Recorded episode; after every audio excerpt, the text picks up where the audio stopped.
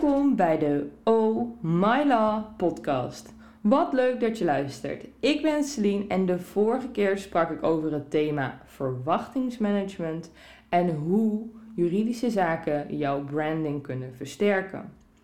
En wees nou eens eerlijk, heb jij de verwachtingen inmiddels al in kaart gebracht die jij tegenover je klant hebt en andersom? In ieder geval, vandaag duiken we in de wereld van de overeenkomsten oftewel het verbintenissenrecht. Overeenkomsten. We sluiten overeenkomsten iedere dag, maar we zijn ons daar vaak helemaal niet bewust van. Stel, je gaat boodschappen doen. Ook dan sluit je een simpele overeenkomst met de winkel. Het is niet zo dat de cashier jou een overeenkomst laat tekenen bij de kassa waarin staat: mevrouw Hogenelst koopt één brood, drie appels en een pak karnemelk voor de legal dog. Voor de luisteraars met een hond, onze Cooper krijgt één keer in de zoveel tijd een lekker bodempje karnemelk. Hij vindt dat niet alleen geweldig, maar het doet ook nog wat voor zijn schitterende blonde manen. Maar goed, terug naar de boodschapjes. Je legt je boodschappen op de band en piep piep, alles is gescand en je betaalt. Een don deal zou je zeggen. Wellicht een vraag die nu in je opkomt. Maar wanneer ontstaat er een overeenkomst? Nou, die vraag is simpel. Een overeenkomst ontstaat op het moment dat er sprake is van een aanbod en een aanvaarding van dat aanbod. Dat is natuurlijk een schitterende definitie, ehm, maar niet zo werkbaar voor de realiteit. En daarom geef ik ook een voorbeeld, zodat het in één klap gewoon helder is. En je zult zien, na dit voorbeeld, als jij boodschappen gaat doen of als je naar een, een kopje koffie gaat drinken, dan zal je hier aan denken. Oké, daar gaat hij. Stel, je gaat naar de Mediamarkt om een tablet te kopen. De Mediamarkt heeft natuurlijk een uh, hele hoop tablets in die winkel staan. En ja, er komt natuurlijk ook een verkoper. En die vraagt naar jouw wensen. En tada, die heeft de perfecte tablet voor jou hier liggen.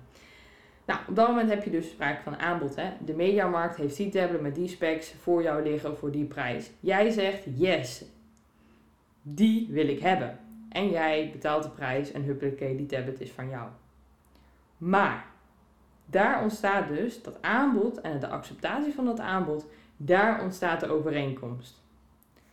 En het is heel erg belangrijk, en daar komt hij weer, dat wij de neiging hebben om te zeggen: ja, maar er ontstaat helemaal geen overeenkomst, want er is geen papiertje getekend.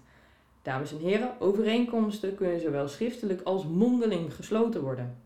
Het gaat dus echt om die aanbod en aanvaarding daarvan. Een belangrijke vraag voor ondernemers: waarom is nou een goede overeenkomst zo van belang voor jouw eigen onderneming? Een welbekend excuus wat ik heel vaak al heb gehoord. Ja, maar wij hoeven niks op papier te zetten, want wij vertrouwen elkaar. Niet alleen hebben de Duitsers daar een mooi gezegde, over: controle is beter als vertrouwen. Maar het allerbelangrijkste argument is dat een overeenkomst niet in eerste instantie dient om een zogenaamd vertrouwensschat te dichten, maar juist om het vertrouwen dat partijen onderling in elkaar hebben te versterken en dan ook te verdiepen door een uitwerking, een specifieke uitwerking te geven hoe de onderlinge afspraak vormgegeven dient te worden. Overeenkomsten. Ze zijn er in alle soorten en maten. Je hebt overeenkomsten van drie pagina's, maar ook overeenkomsten van meer dan 200 pagina's. Nou, je kunt je natuurlijk voorstellen dat het ene nakijken wat makkelijker is dan het andere. Het kost gewoon veel meer tijd. En daarnaast is het ook nog interessant om te benoemen dat er ook zogenaamde cultuurverschillen spelen met deze overeenkomsten. Waar een één bepaald land kiest voor zo'n uitleg van de overeenkomst, zegt een ander land juist van nou, we nemen alle omstandigheden van het geval gewoon mee. En dat is heel erg leuk, althans dat vind ik. Op de eerste plaats is het van belang om te kijken waarvoor je nou eigenlijk een overeenkomst opstelt. En daar kan je eigenlijk drie categorieën in verdelen voor nu. Wil je afspraken maken tussen partijen omdat je gaat samenwerken of dat er een opdracht is. Nou, wil je een afspraak maken omdat je iets verkoopt of wil je een afspraak maken omdat je iets verhuurt? Dat zijn eventjes in concreto de meest gebruikte vormen die ik tegenkom ten aanzien van het ondernemerschap. En om het nu ook nog simpel te houden, dames en heren, want we hoeven hier geen college te volgen. Ongeacht het doel van de overeenkomst heb je altijd de basic boxes. Nou, dat zijn de afspraken ten aanzien van het leveren, presteren, betalen, verantwoordelijkheid en aansprakelijkheid. En zo zie je dus, vorige keer hadden we het over aansprakelijkheid. En het is dus ook een heel belangrijk document om je aansprakelijkheid te beperken en aan te geven waarvoor jij verantwoordelijk bent. Maar hoe kan een goede overeenkomst jouw onderneming versterken? Oftewel, wat zijn de voordelen van een overeenkomst? En dan heb ik het over de schriftelijke variant. Hè? Nou, op de eerste plaats zorgt het natuurlijk voor duidelijkheid. Samen regel je alle zaken die van belang zijn, zodat hier later geen discussie over kan ontstaan. Verder kan je het risico heel erg mooi verdelen. Zo kun je namelijk over, overeenkomen wie welk risico draagt en in welke mate het gedragen wordt. Verder straalt er natuurlijk ook professionaliteit uit. Door inzet van overeenkomsten bij je onderneming laat je zien waar je één mee bezig bent en twee dat je ook een gestructureerd werkproces hebt. Het is natuurlijk ook belangrijk op het moment dat er zaken misgaan, hè, of dat je de andere partij even aan zijn jasje wil trekken van hé, hey, dit gaat niet zoals we afgesproken hebben, dat de overeenkomst ook dient als bewijsstuk. Je kunt er dus ook op teruggrijpen. Daarnaast geeft het ook rust en focus. Je weet namelijk wat je van de ander mag verwachten. En kijk, daar is dus weer dat verwachtingsmanagement. Je verankert als het ware de verwachtingen van de partijen onderling.